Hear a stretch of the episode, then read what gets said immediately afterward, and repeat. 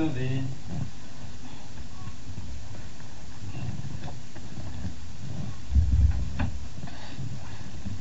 Før vi gir oss i kast med å se på selve Korinterbrevet, så tror jeg at det kanskje kan være på sin plass å si noen ord om både Korint og Paulus' forhold til menigheten i byen Korint. Som dere gjerne vet hvis dere ser på et av disse kartene som er bak i Biblene, så ligger Korint på en tynn landtunge mellom det greske fastlandet og Peloponneser-halvøya. Og i kraft av sin geografiske plassering så fikk byen Korint stor betydning som handelsby og som handelssentrum.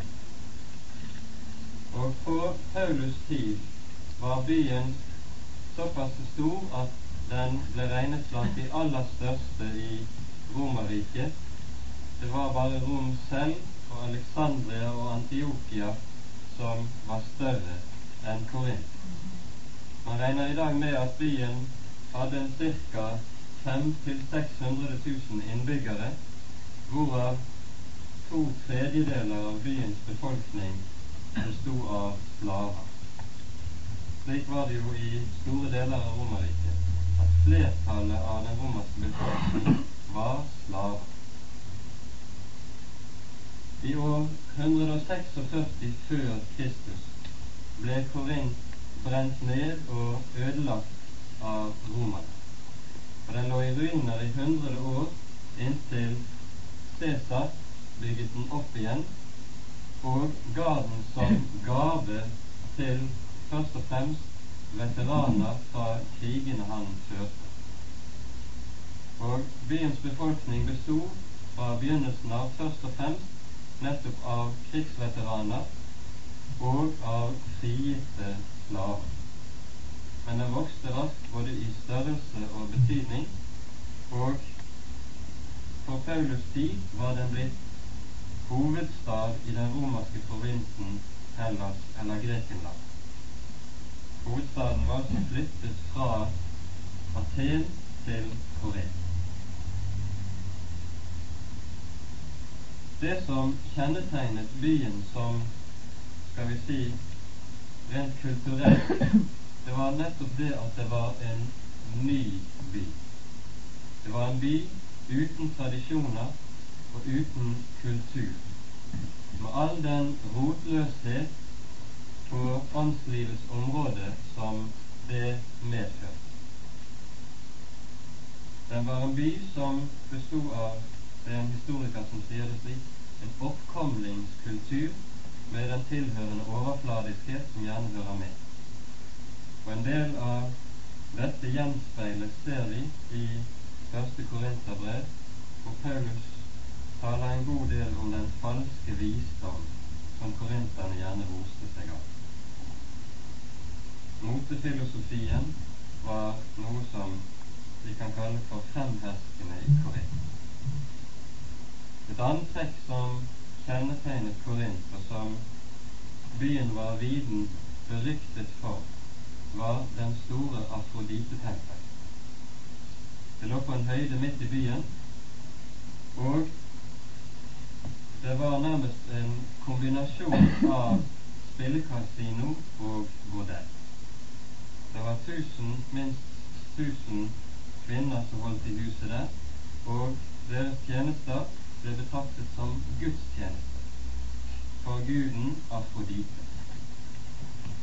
Og her ser vi at det moralske livet var sterkt preg av det samme problemet som vi finner i Det gamle testamentet, Israels møte med fruktbarhetskultusen i det gamle Kana. Det var store likhetstrekk mellom kananittisk kultur og det vi finner i Korint løsslupne moralske liv. Det var faktisk et ordtak nærmest i oldtiden at å leve korintisk var ensbetydende med å leve uten moralske hemninger eller skrøpler på noe som helst område. Dette er byen Korint i et nøtteskall. Paulus kom til Korint, regner man med, ca. år 50 eller år 51 på sin andre misjonsreise. Og Dette leser vi om i apostelgjerningenes 18. kapittel. Og han kom til å ha et opphold i byen Korint på hele ett og et halvt år, hvor han fikk en stor og rik virksomhet. Jeg tror at vi skal ta oss tid til å lese i hvert fall noen vers fra apostelgjerningenes 18. kapittel.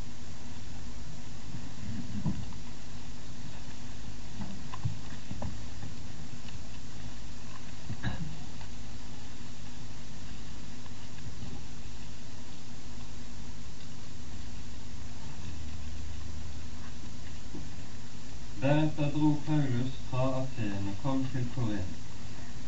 Der fant han en jøde ved navn Aquila, født i Pontus, og som nylig var kommet fra Italia med sin hustru Priscilla, fordi Claudius hadde påbudt at alle jøder skulle forlate Rom. Dem ga han seg i lag med, og da han drev samme håndverk som dem, bodde han hos dem og arbeidet der, for de var teltmakere av håndverk. Men hver sabbat holdt han samtaler i synagogen, og han overbeviste jøder og grekere. Da nå Silas og Timotius kom ned fra Makedonia, var Paulus helt opptatt av å lære, idet han vitnet for jødene at Jesus er Messias. Men da de sto imot og spottet, rystet han støvet av sine klær og sa til dem:" deres blod kommer over deres eget hode. Jeg er ren. Fra nå av går jeg til hedningen. Så gikk han bort derfra og tok inn i et hus som tilhørte en mann ved navn Justus, som dyrket Gud. Hans hus lå like ved synagogen. Men synagogeforstanderen Kristus kom til troen på Herren med hele sitt hus og mange av korintierne som hørte ham, kom til troen og lot seg døpe. Herren sa til Paulus i et syn om natten, frykt ikke, men tal og ti ikke. Jeg er med deg, og ingen skal røre deg for å gjøre deg ondt. For jeg har meget folk i denne by. Så tok han opphold der i ett år og seks måneder og lærte Guds ord iblant.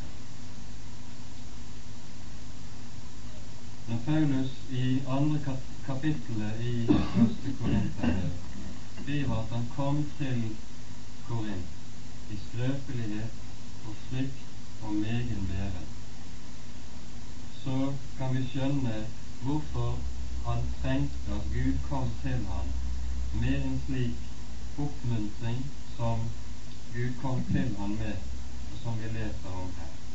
Frykt ikke, jeg har meget folk i denne by. Paulus hadde nettopp lagt Aten bak seg, og vi leser om etter faren fra Areopalos hvorledes atenerne i sitt åndsformod fornektet evangeliet og nærmest smilte overbærende av det budskap som Paulus var frem. Det ble ikke stiftet noen menighet i Aten. Og vi må kanskje tenke oss at når Paulus så etterpå kommer til Korint, er det med nedslått mot.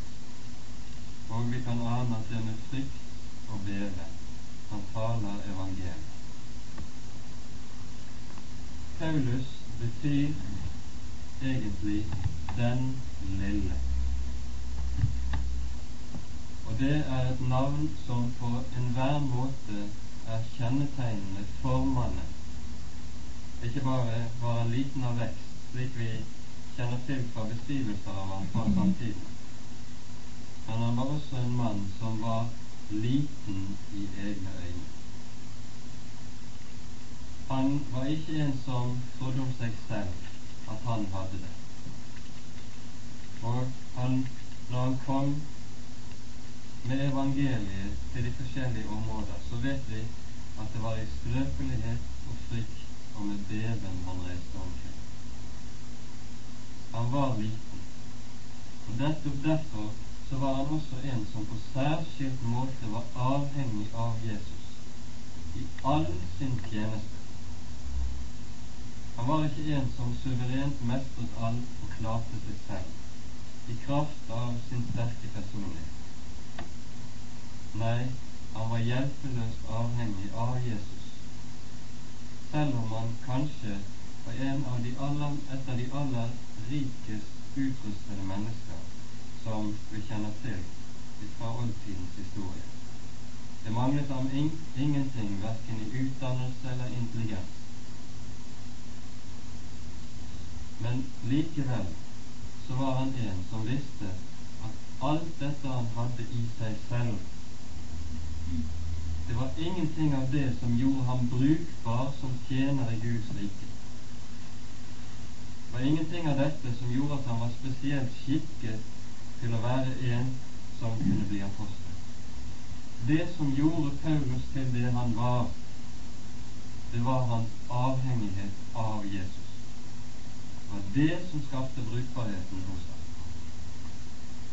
Og Derfor gjelder det det som Paulus skriver om seg selv i andre Korinterbrev, som er det brevet som er det mest personlige av alle Paulus sine brev, at Guds kraft fullendes i skrøpelighet. Det er et ord som først og fremst gjelder om Paulus egen person. Han trengte Jesus. Og det var det som også ga hans budskap den åndskraft og den åndsmakt som gjorde at det fikk gjennomslag der han dro frem. Paulus kom dit altså ca. år 50 og 51, man vet ikke sikkert. Og Gud hadde meget folk i denne by. Når han senere skriver første Korinterbrev, så regner man med at det skjer vel fire år, kanskje fem år etterpå. Da er han på sin tredje misjonsreise kommet til Efesus, hvor han ble værende i to år, kanskje to og et halvt år. Fra Efesus skriver han flere brev, og annet første Korinterbrev. Vi ser i første Korinterbrev 16. kapittel vers 8 og 9, hvorledes han skriver om sin virksomhet her. I Efesus blir jeg inntil pinsen, for en stor og virksom dør er opplatt for meg, og det er mange motstandere. Merk det paradokset. dørene åpnet, og det er mange motstandere. Da ville vi sagt at det var lukket. Men han sier nå er det åpnet.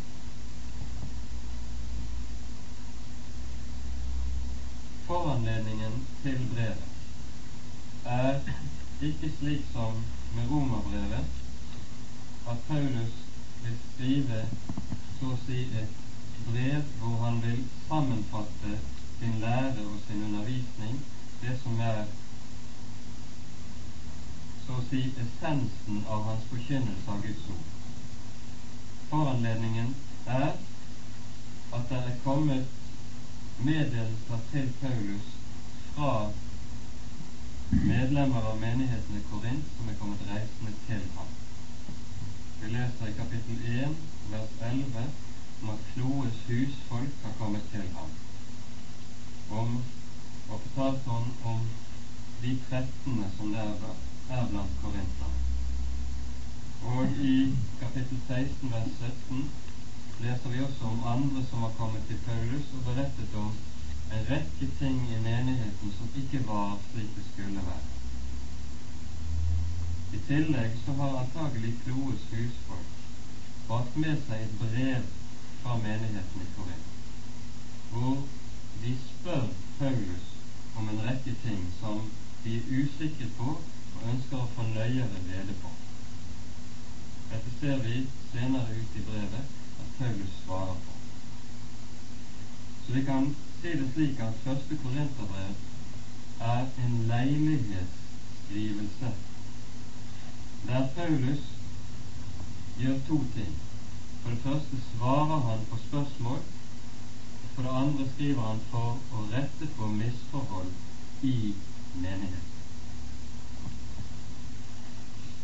Da skulle vi ut ifra vår vanlige tankegang vente at en slik leilighetsskrivelse ville befatte seg med de rent praktiske forhold og nøye seg med det som da var aktuelt i den anledning.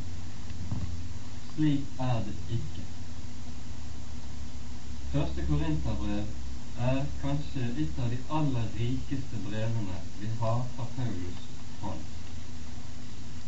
For det er ikke slik at Paulus ser en enkelt ting i det daglige liv, et enkelt daglig problem, så å si for seg selv, og la det være med det.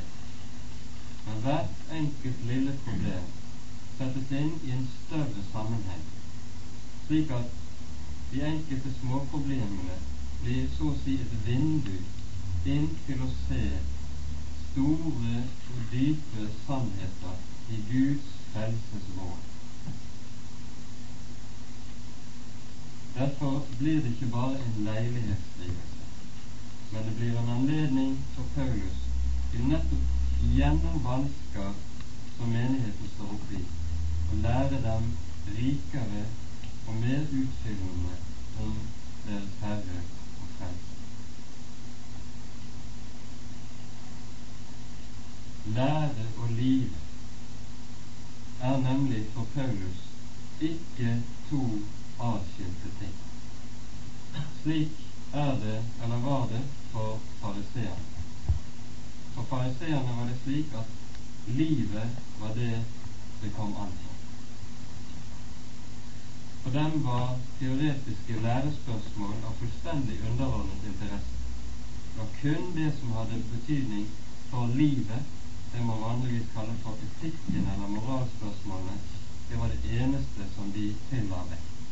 Det var livet som hadde betydning.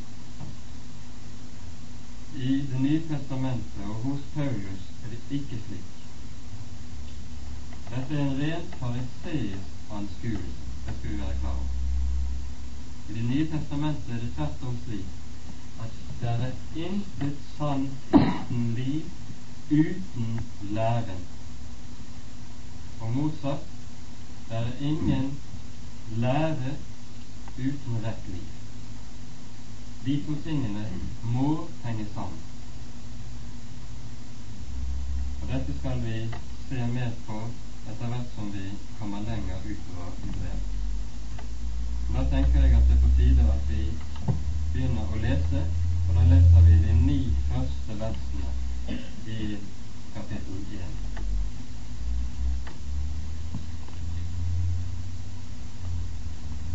Paulus ved Guds vilje kalt til Kristi Jesu apostel og broderen Sostenes, til den Guds menighet som er i Korint, helligede i Kristus Jesus, kalte og hellige, til like med alle dem som på ethvert sted påkaller vår Herre, Jesu Kristi navn, deres og vår.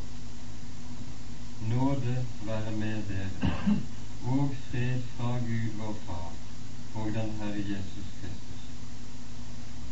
Jeg takker alltid min Gud for dere, for den Guds nåde som er dere gitt i Kristus Jesus, at dere i ham er gjort rike for alt, for all lære og all kunnskap, like som Kristi vitnesbyrd er blitt rotfestet i, i dere, slik at det ikke fattes dere for noen nådegave mens dere venter på vår Herre Jesu Kristi åpenbarelse.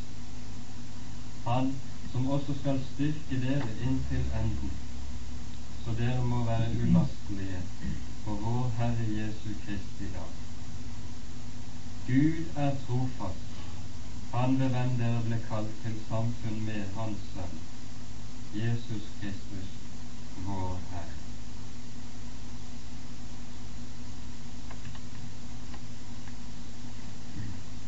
Paulus begynner dette sitt brev slik som det var vanlig å skrive brev i antikken. Han begynner med først å presentere seg selv, og så nevne adressaten ved navn.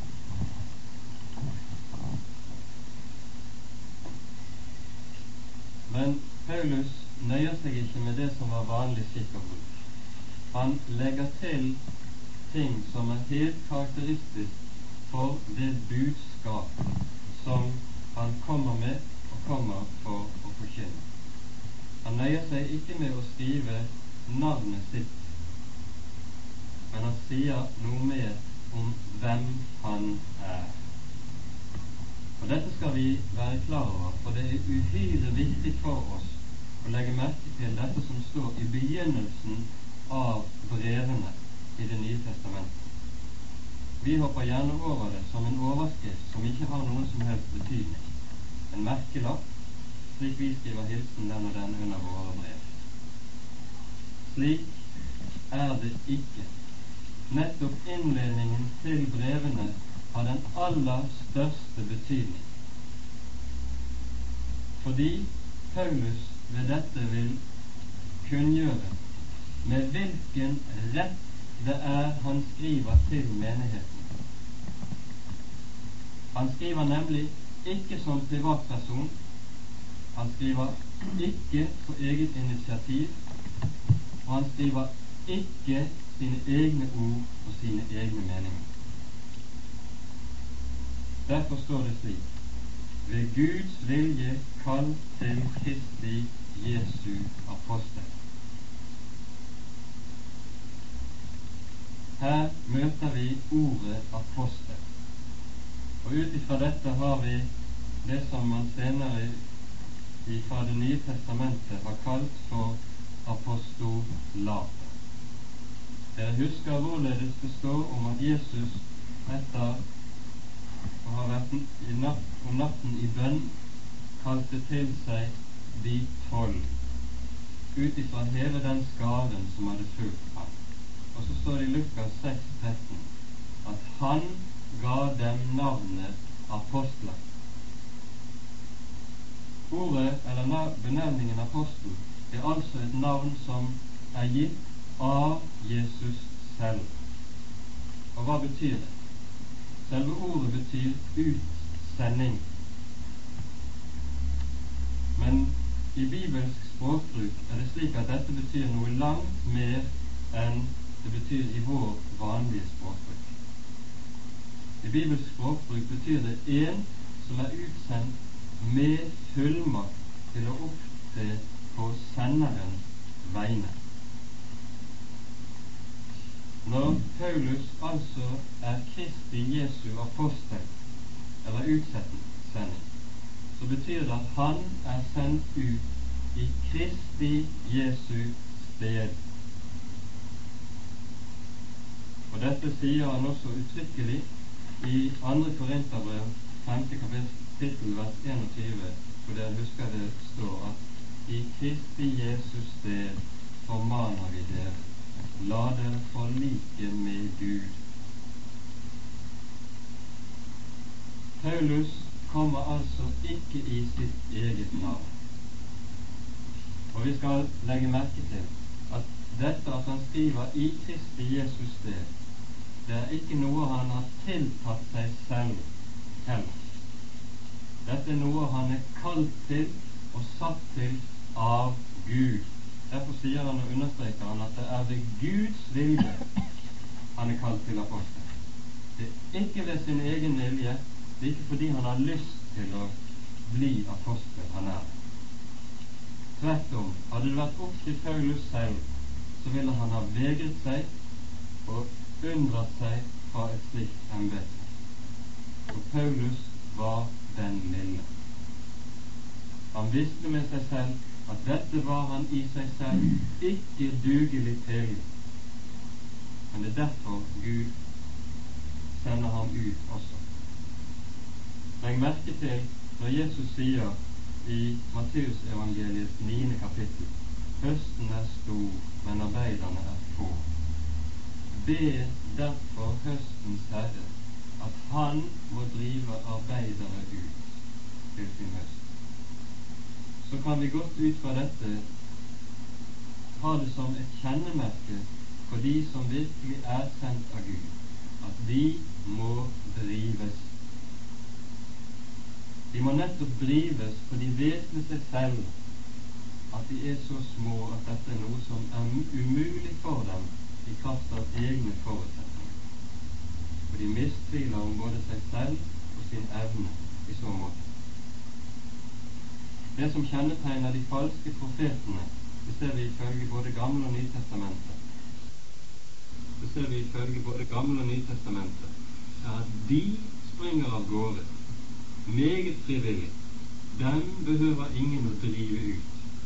De løper helt fritt og radig på egen hånd og mangler ingenting, verken frimodighet eller annet. Guds apostler og Guds profeter, de måtte drives. Ved Guds vilje er det derfor det står.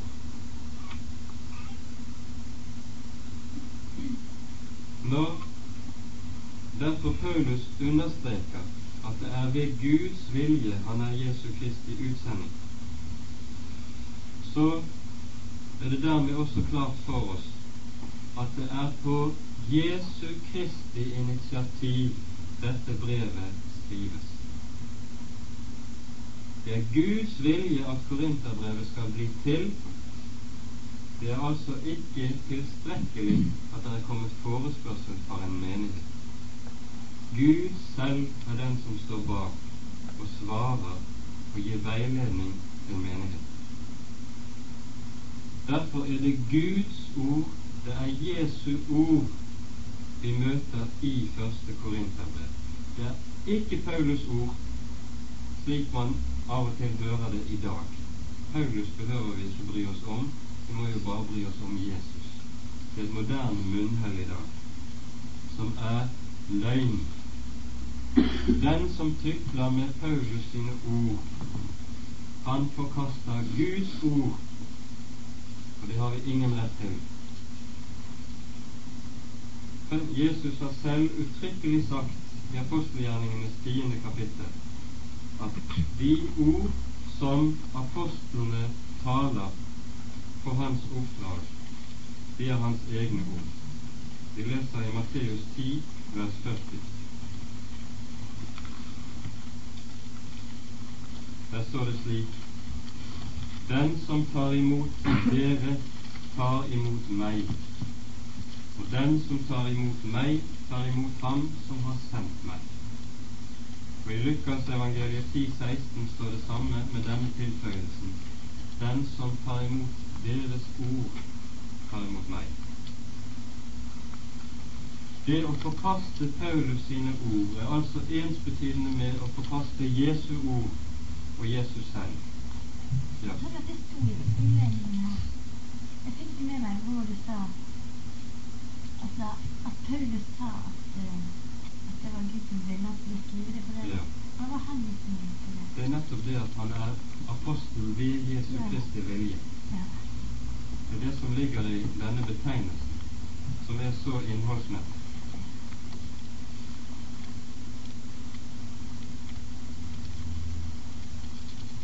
Det som vi ser skje i Korinterbrevet og de andre brevene fra apostlene, enten det er Paulus sine brev, Peters brev eller Johannes brev, det er at Gud gjennom disse brevene oppfyller et bestemt løfte som Jesus ga disiplene før sin død og oppstandelse, og som vi leser om i Johannes evangeliets 14. og 16. kapittel.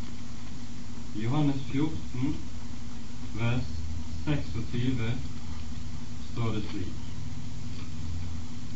Men talsmannen, Den hellige ånd, som Faderen skal sende i mitt navn, han skal lære dere alle ting og minne dere om alle ting som jeg har sagt dere. Og i 16, nei, kapittel 16, vers 12 og 13 taler Jesus slik og sier Ennu har jeg meget å si dere, men dere kan ikke bære det nu.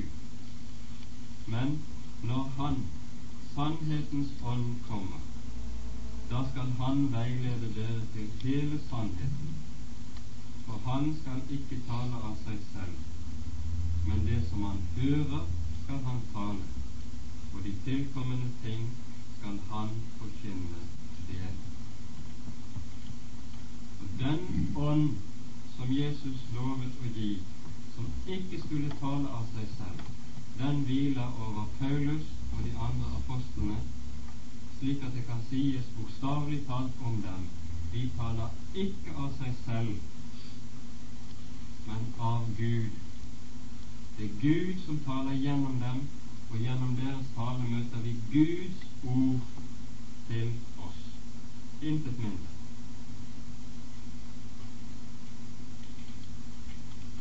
Derfor er det slik at dette ord som vi møter både gjennom Paulus og de andre apostlene, det er Guds gave til sitt folk. Dere vet at vår Herre Jesus, han kjenner vi kun og utelukkende gjennom apostlenes ord og forkynnelse og vitnesbyrd. Jesus skrev ingenting selv, etterlot seg intet vitnesbyrd slik. Alt om ham som vi har til frelse og til liv og til salighet, er gitt oss gjennom disse som kalles for apostler.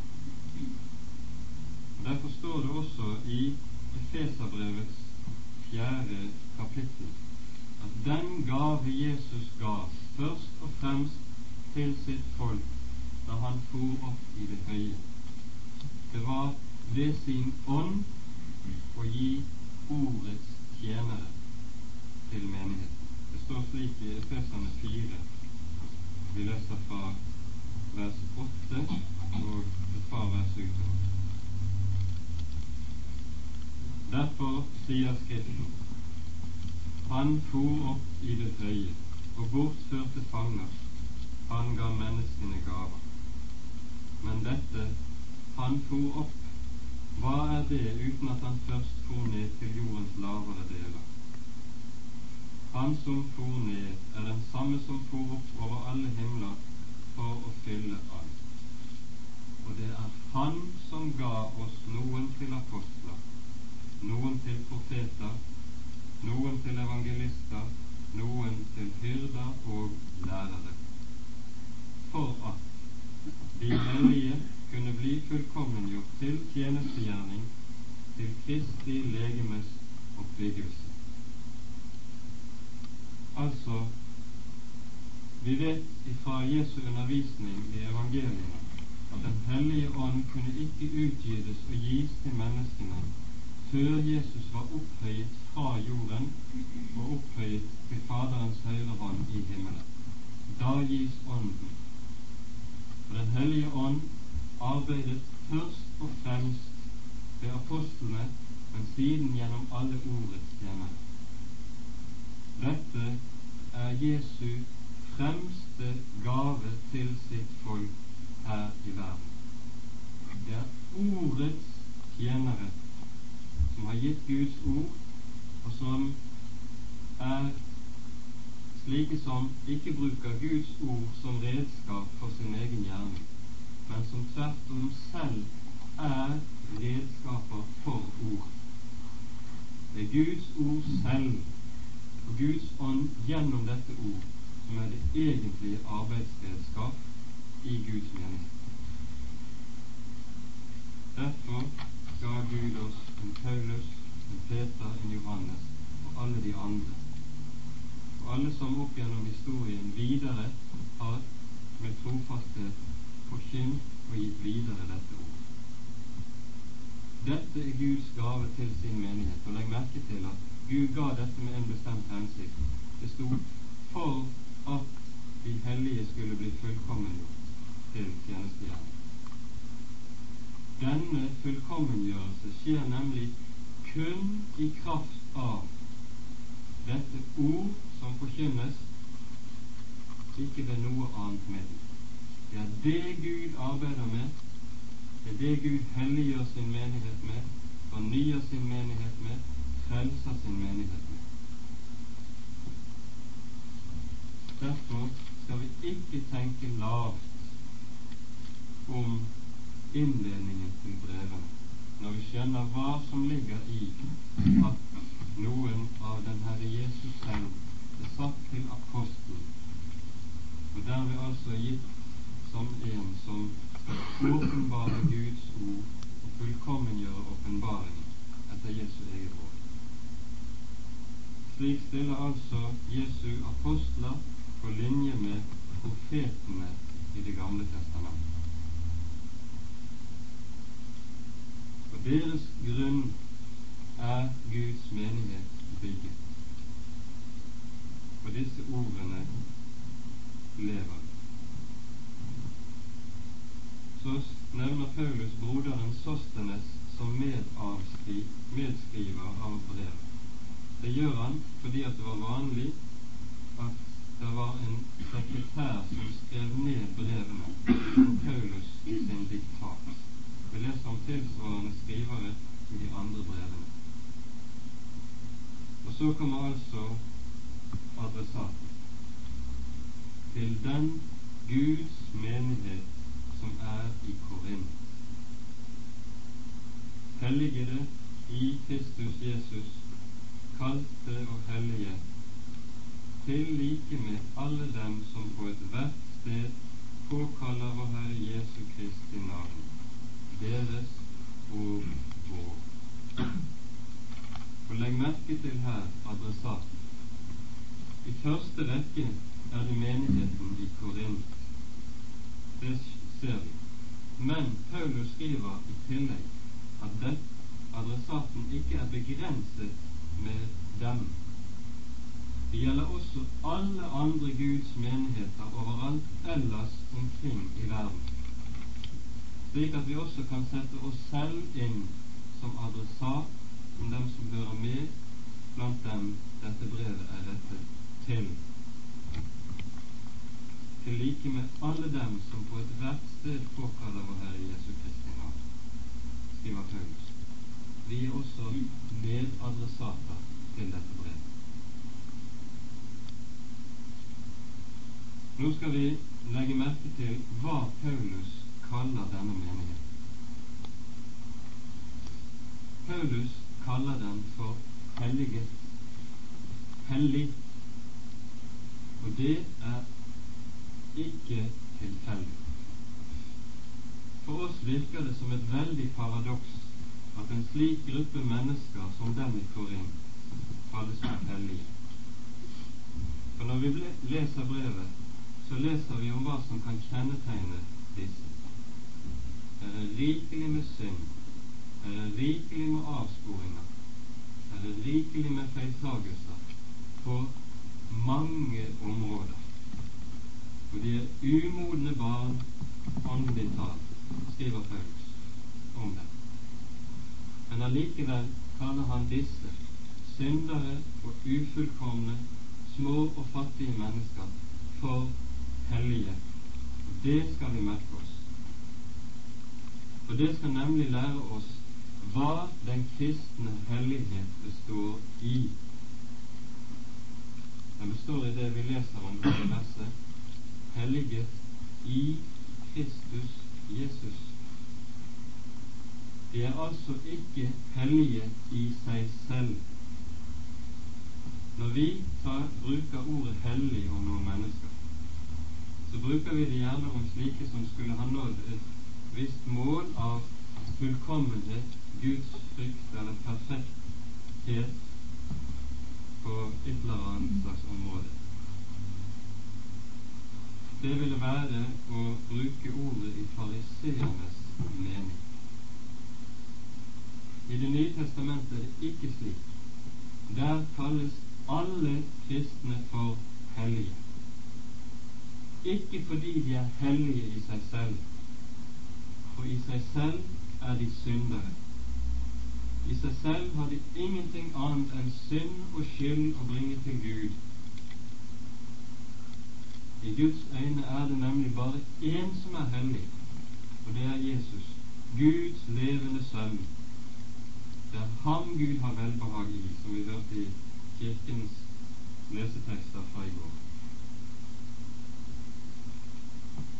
Men vi blir hellige gjennom at Gud koder oss inn i Jesus, slik at vi skal få eie Jesu egen hellighet. At samtidig med at jeg er den jeg er, full av synd, så eier jeg likevel Jesu hellighet, er fullkomment ren og hellig i Guds øyne. Den hellighet jeg eier i Kristus Jesus. Derfor skal vi også kunne kalle alle kristne for hellige, og sant de lever med å kjenne den Herre Jesus, uansett om de er aldri så hjelpeløse i sin kristendom, og aldri så mislykkede i sitt kristne. Like fullt er de hellige i Guds øyne, selv om de ikke er det i menneskers øyne. Det er ikke menneskers øyne det er tale om her. Og Legg også merke til at det står passiv i dette ordet her. Det står 'helligede'. Det er nemlig slik at denne helliggjørelse, den er et Guds verk som er skjedd med dem.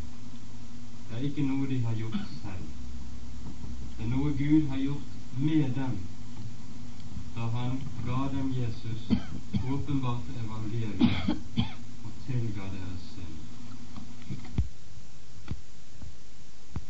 Endesidig, om vi kan bruke et slikt ord, om saken. Men det er et ord som brukes for å betegne Guds forhold til de mennesker han har kalt ut av verden. Ordet betyr direkte oversatt nettopp 'kalt ut. Og det brukes i Bibelen første gang om Israel etter at de ble ført ut av Egypt. Der har vi et ord, hebraisk ord, som i de greske oversettelsen som ble brukt på Jesu og Paulus sin tid, nettopp ble oversatt med ordet eklesia, menighet. Det brukes om Israel etter utgangen av Egypt er kalt ut, bokstavelig talt fridd ut av den ondes makt, fridd ut av trelldommen under denne verdens farao, for å høre Gud til i det lovede land, for å eie Gud selv i sin midte, være hans folk og hans eiendom. Og det er viktig å være klar over.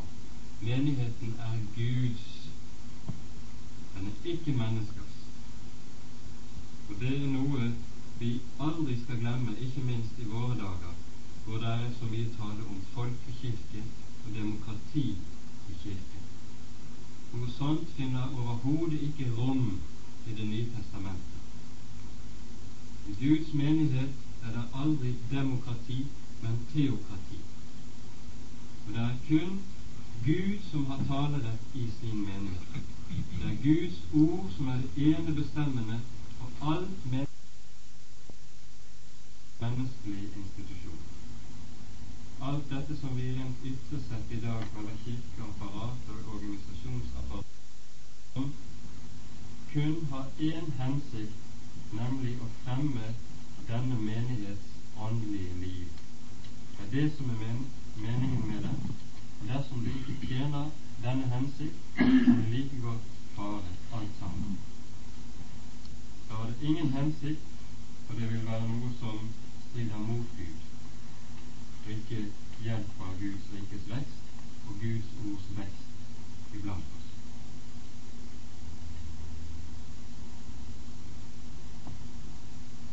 Nå har Paulus sagt noe både om seg selv som avsender og om adressaten. Menigheten som er kalt ut for å høre Jesus til. Menigheten av syndere som er hellige. Og så kommer han med hilsen i vers 3. Nåde være med dere og fred fra Gud vår Far og den Herre Jesus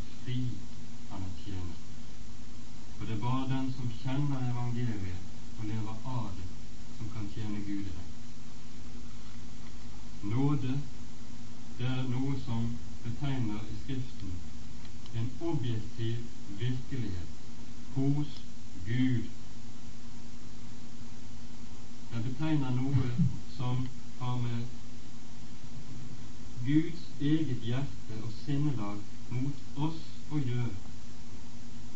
I Lukasevangeliet 1,78 i Sakarias lovsang står det om hvorledes Gud tilgir våre synder og viser miskunn for sitt miskunnelige hjertelags skyld. Dermed pekes det på det som er grunnen til og årsaken til at Gud gir nåde til synder. Grunnen ligger nemlig i Guds eget hjerte fordi han har glede av å vise nåde og gi tilgivelse, ikke i at synderne har gjort seg fortjent til å få det, at det skulle være noe i mitt liv som Gud kunne grunne sin nåde på. Alt ligger gjemt i Guds miskunnelige hjertelag, som Han har demonstrert og åpenbart for oss ved at Han har latt sin sønn dø for synder. Dette er noe som altså gis så å si uavhengig av oss. Vi er sjaltet ut av bildet. Alt er grunnet på Guds hjertelag, som Han er åpenbart ved Jesu kors. Derfor gis det for intet. Dette er nåde. Og Når Paulus sier 'nåde være med dere', så mener han med det at dette ikke bare skal være noe som betyr inngangen i Guds rike, men dette skal være det som er det jeg lever på og av hele kristenlivet igjen. Jeg er avhengig av Jesus som min stedfortreder og som min frelser hver dag gjennom hele livet. Jeg slutter ikke med. Slik er det jeg også kan leve i fred med Gud. Det er en erfaring som gjelder alle kristne får lov til å oppleve gjentatte ganger. Så snart man kommer vekk av nåden, innunder loven, tar på Jesus av syne, så melder også ufri freden seg i rik mål. Freden er grunnet på nåden. Derfor står det også slik hos Esaias i det 32. kapittel vers 17 at rettferdighetens frukt skal være fred. De to ting hører sammen. Nå ser jeg at tiden løper fra meg, og jeg lurer på om vi kanskje skulle stanse der og la oss nøye med dette.